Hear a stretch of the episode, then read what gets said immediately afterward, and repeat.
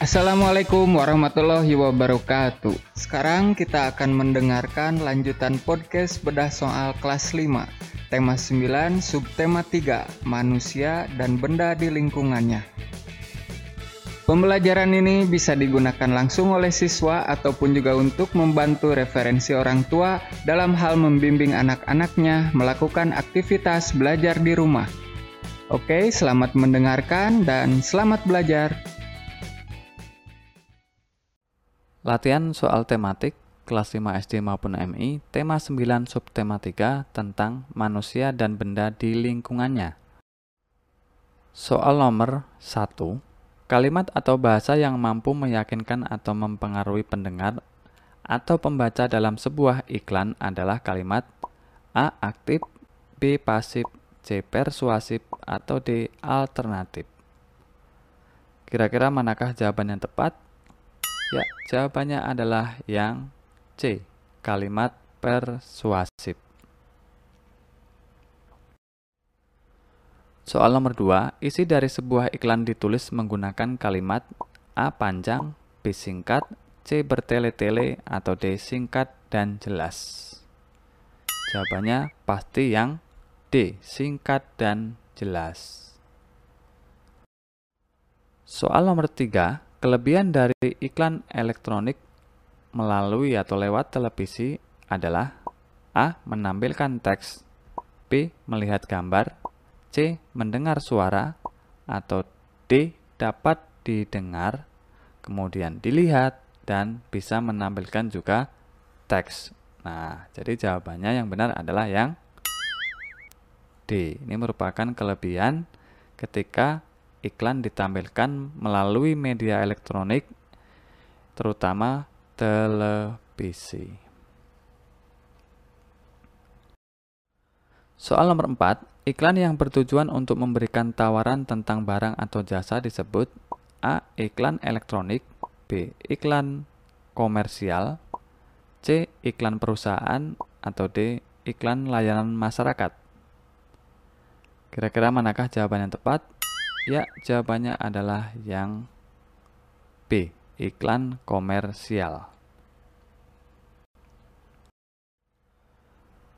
Soal nomor 5, tujuan dari pembuatan iklan adalah A. Meyakinkan kalayak menggunakan produk jasa B. Mengajak kalayak menghindari produk jasa C. Membingungkan kalayak menggunakan produk jasa Atau D. Meyakinkan kalayak untuk tidak menggunakan produk jasa Ya, jawabannya jelas. Tujuan dari pembuatan iklan adalah meyakinkan kalayak untuk menggunakan produk atau jasa yang ditawarkan. Soal nomor 6, berikut bukan ciri-ciri hidup rukun. A. Saling menghargai B. Saling menghormati C. Suka memaksakan kehendak Atau D. Menghargai pendapat orang lain Ya, jawabannya tentu yang C. Suka memaksakan kehendak ini merupakan bukan ciri-ciri hidup rukun. Soal nomor 7, menjenguk tetangga yang sakit merupakan salah satu contoh perilaku persatuan di lingkungan A. Rumah B. Sekolah C. Keluarga atau D. Masyarakat Jawabannya tentu yang D masyarakat. Menjenguk tetangga berarti ini berada di lingkungan masyarakat. Soal nomor 8, salah satu akibat tidak menjaga persatuan dan kesatuan di sekolah adalah A. Perpecahan bangsa B. Membeda-bedakan teman C. Kurangnya kerukunan keluarga D. Tidak adanya kerjasama antar warga masyarakat Nah, ingat di sekolah ya. Berarti yang B, membeda-bedakan teman. Soal nomor 9, persatuan berasal dari kata satu yang berarti A utuh, B bulat, C beragam, atau D terpecah-pecah. Kita lihat jawaban yang tepat adalah yang A, utuh.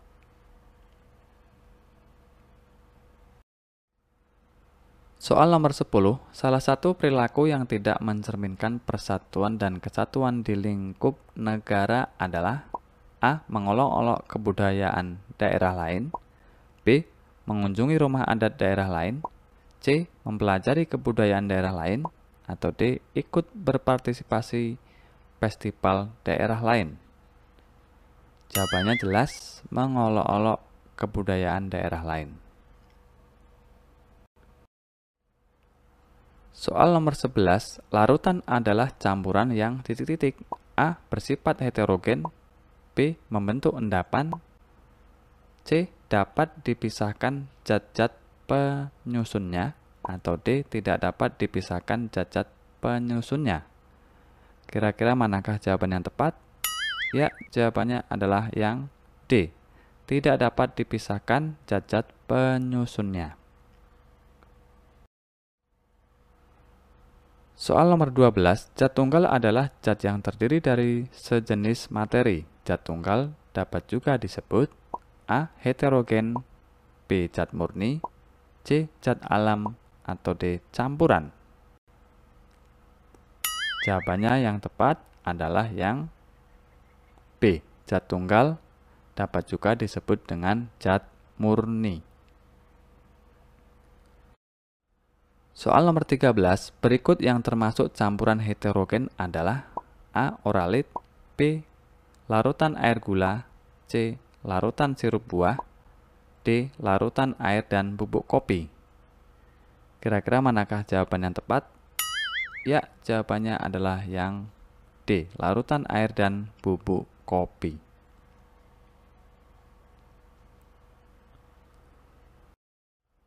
Soal nomor 14, berikut ini yang merupakan contoh larutan adalah A. Campuran air dan minyak B. Campuran air dan garam C. Campuran air dan tanah atau D. Campuran air dan serbuk kopi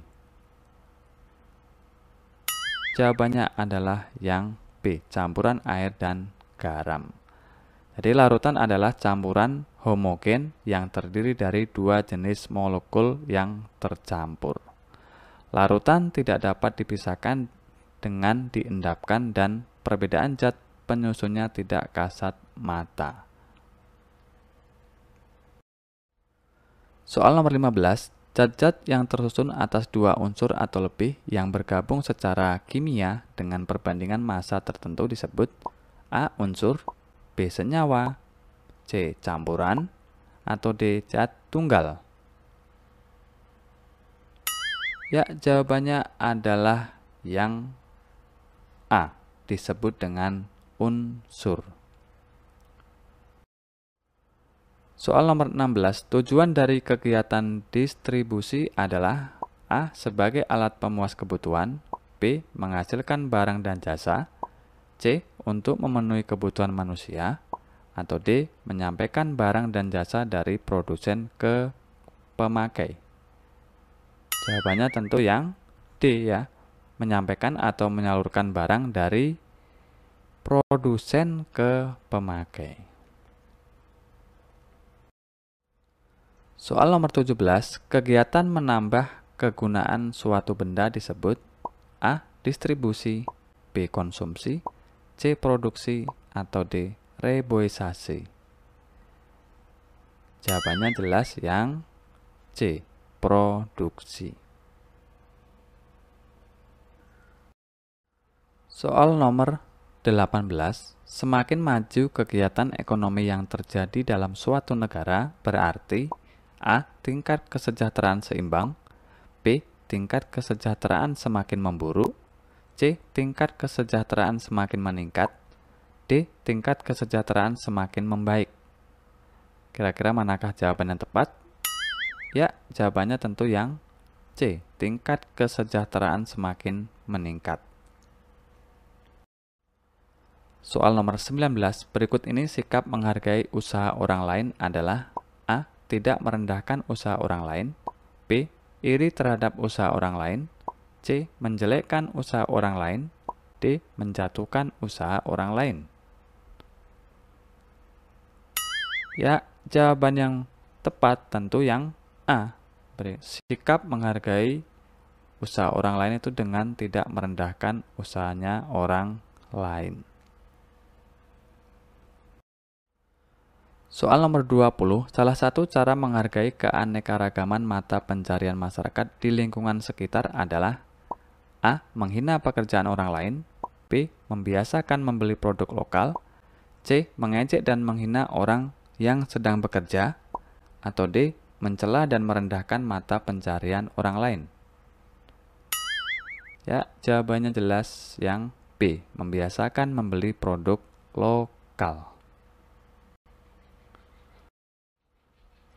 Soal nomor 21, karya seni rupa yang mengutamakan segi keindahan tanpa memperhatikan segi fungsi disebut A. Seni rupa terapan B. Seni rupa murni C. Seni rupa daerah atau D. Kebudayaan nasional Jawabannya adalah yang B. Seni rupa murni Soal nomor 22. Berikut ini fungsi individu karya seni rupa adalah sebagai A. Media hiburan B. Media pendidikan C. Media komunikasi D. Media mengekspresikan diri Jawabannya adalah yang D. Fungsi individu karya seni rupa itu adalah untuk mengekspresikan diri. Soal nomor 23. Proses pemalaman garis pola terluar disebut A. Nonyok B. Nembok C. Mbironi atau D. Ngelowongi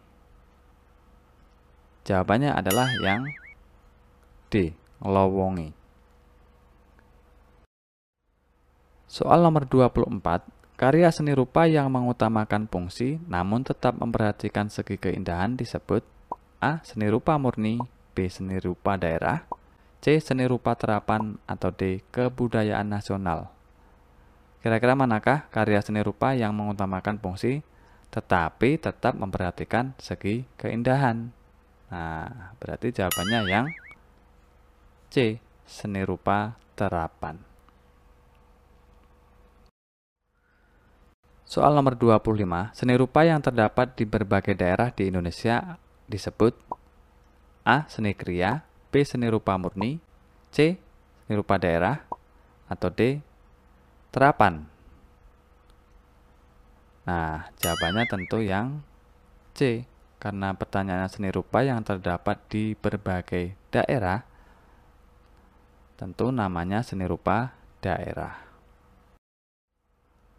Soal nomor 26, sebutkan ciri-ciri iklan yang baik dan benar. Yang pertama, informatif, yang kedua komunikatif, yang ketiga bahasanya singkat dan padat, lalu yang keempat menarik. Soal nomor 27, sebutkan jenis-jenis iklan berdasarkan isinya. Yang pertama adalah iklan pengumuman atau pemberitahuan. Iklan ini bertujuan untuk menarik perhatian kalayak umum tentang suatu hal, misalnya adalah pemberitahuan iklan duka cita. Kemudian yang kedua, iklan penawaran atau iklan niaga. Iklan yang bertujuan menawarkan sesuatu, misalnya iklan barang. Lalu yang ketiga, iklan layanan masyarakat. Nah, iklan ini bertujuan untuk memberikan penerangan tentang suatu hal. Misalnya, buanglah sampah ke tempatnya. Soal nomor 28, apa akibatnya jika tidak ada persatuan dan kesatuan di dalam keluarga? Yang pertama, terjadi pertengkaran di dalam keluarga. Lalu yang kedua, kurangnya kerukunan di dalam keluarga. Dan yang ketiga, kurangnya keakraban di dalam keluarga.